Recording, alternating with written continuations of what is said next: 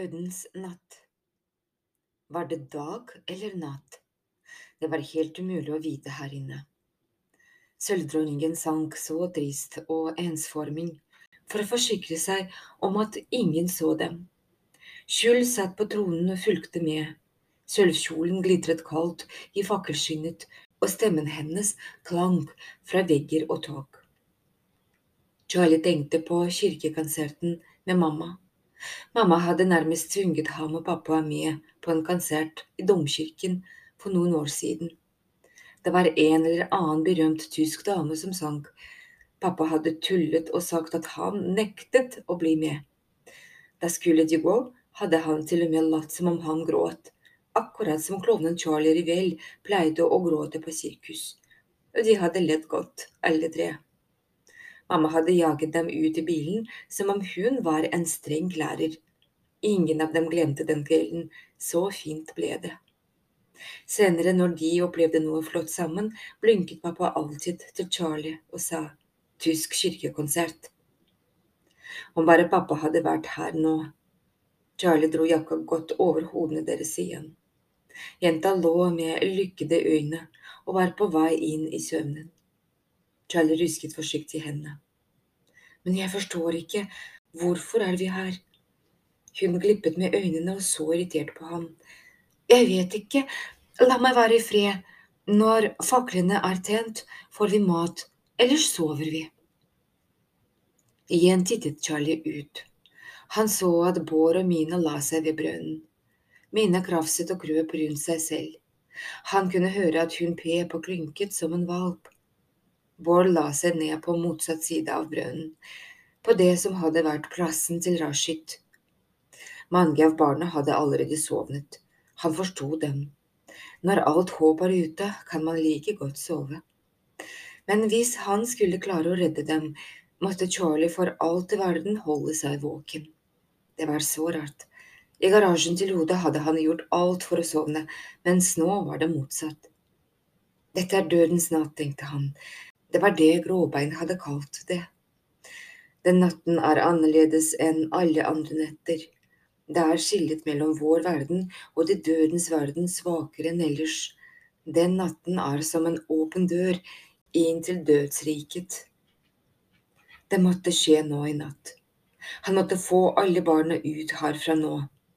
I morgen ville det være for sent. Charlie kjente hvor redd han var. Da var den lukten det luktet fuktig pels. Vokter.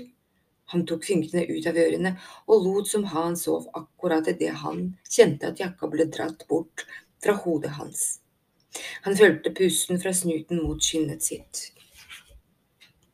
Stanken fra hundekjeften var så sterk at han hadde lyst til å skrike høyt, men han anstrengte seg for å puste rolig. Men den måtte ikke forstå at han var våken. Han hørte den lave knurringen fra vokteren rett ved øret. Den lyden startet liksom dypt nede i hundemagen. Rolig nå, Charlie, tenkte han.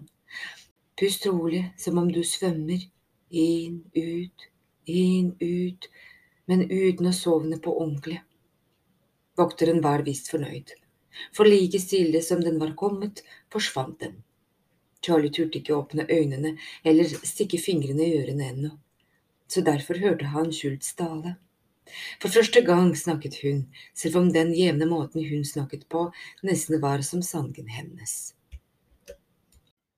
Triste barn, å, dere triste barn, ingen trenger dere, det vet dere, ingen er glad i dere, det har dere sett.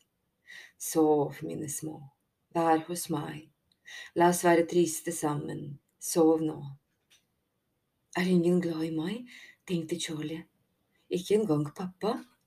Men inni seg visste han at det ikke var sant.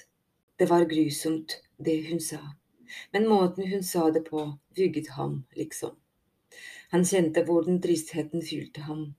Han måtte ikke lytte mer, han stakk fingrene godt inn i ørene og tittet forsiktig fram fra jakka. Dronningen med barneansiktet hadde reist seg. Han hørte det ikke, men han så at hun hadde begynt å synge igjen. Hun reiste seg fra tronen og løsnet lenkene hun hadde rundt halsen. Vokterne kom pilende til henne. De var blitt ni nå. Med det samme tok hun dem med seg inn i hule, falt gitteret bak henne, og hver eneste fakkel blåste ut. Dødens natt var mørk og stille. Charlie satte seg opp og kjente at Yaman gjorde det samme. Oda, hvisket han, ta hånda mi.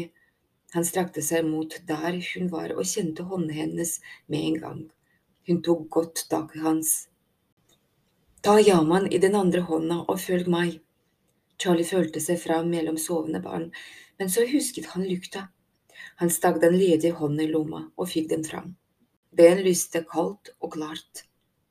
Han slapp ikke Odes hånd, selv om han jo nå endelig ikke trengte å holde i den lenger. Ved brønnen sto Bård allerede klar.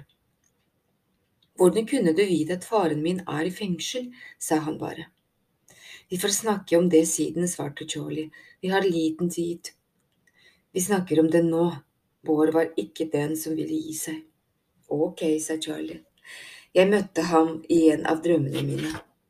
Det går ikke an, Nei, men jeg møtte ham likevel, han var ikke akkurat koselig. Og mora di stakk av med en danske, svarte Bård kjapt. Charlie ristet svakt på hodet. Hun stakk ikke av, hun døde. Bård ble stille. Jeg skulle ønske faren min også var død, sa han så. Og jeg skulle ønske min far var i fengsel, hvisket jammen. Når han er ekkel, tenker jeg at om noen få år kan jeg flytte, og da kan jeg bestemme selv. Jamman var en spinkel gutt med store briller. Charlie hadde på følelsen at dersom han hadde gått på samme skole som dem, ville Bård ha mobbet ham skikkelig. Men nå, her inne i fjellet, så de hverandre på en annen måte. Bård klappet Jamman på skulderen. La oss komme oss ut av dette drittfjellet. Jeg er klar for å begynne å bestemme selv, så fort som mulig. Hva er planen? Charlie lyste rundt for å finne Mina. Hun lå sammenkrøpet som en hund i en kurv. Han bøyde seg ned og rysket i henne. Hun lå med ansiktet mot bakken og vred seg under hånda hans. Mina, Mina, du må våkne! Charlie prøvde å snu henne. Plutselig kastet han seg bakover med et hull. I lyset fra lukta kunne de se henne tydelig.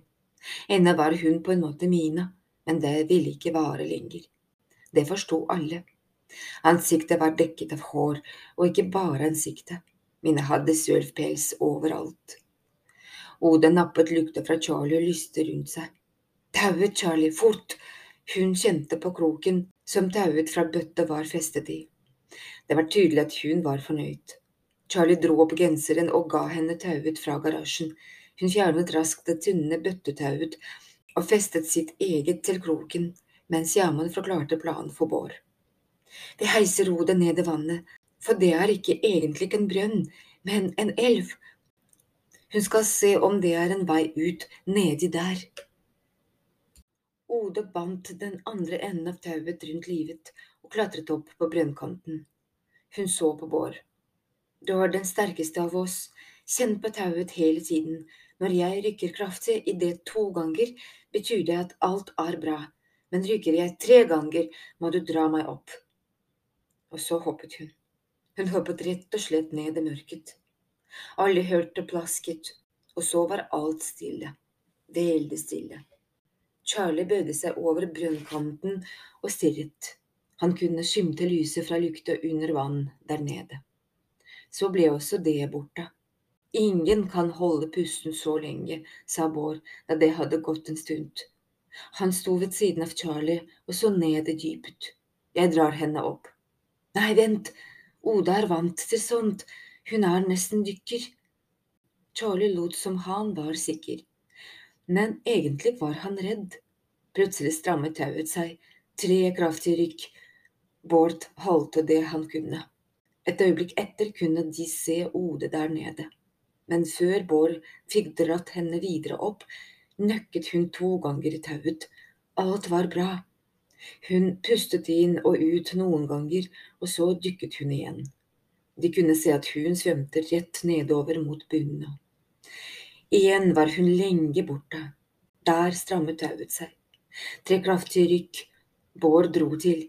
Han halte Ode opp på vannet og videre helt opp, så let som om hun skulle vært en papirdukke. Ode pustet lenge. Noe sånt jeg har aldri sett før. Første gang jeg dykket, lot jeg meg bare drive med strømmen. Det er riktig som du tenkte, jamman, det er en elv, men den blir til en foss bare noen meter fra brønnen. Det er lett å komme seg dit, men ingen av oss kommer til å overleve om vi slipper oss utfor der. Fossen er lang og stupbratt, med store steiner overalt. Den som prøver seg, vil bli knust. Andre gang dykket jeg rett ned. Det er så rart, jeg svømte tvers gjennom elva og ut på undersiden. Hvordan undersiden? spurte Bård. Kom du ned til bunnen? Ode tørket vann bort fra øynene og ørene. Det er ikke noen bunn.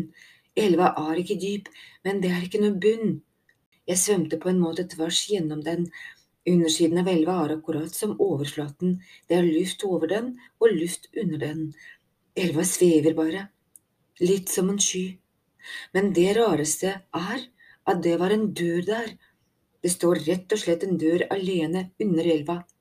Jeg dyttet på den, og den åpnet seg. Jeg kunne se en trapp innenfor, der måtte jeg snu, for tauet trakk ikke lenger. Dit du skal, sa Charlie. Det må være trappa dit du skal. Bård trakk pusten for å spørre, men Charlie stoppet ham. Jeg skal forklare alt når vi er ute, men alle som kommer seg til den trappa, er reddet. Så hva venter vi på? sa Bård ivrig. Det er bare å hoppe. Og hva med dem? Charlie lyste rundt i hallen. Overalt lå det barn og sov. Vi må få med oss alle, sa han. Men er det mulig, hvisket hodet. Det er som om Sangen har forgiftet dem. Hvis Sangen er gift, sa Yaman, så må vi finne motgift. Alle stirret på ham.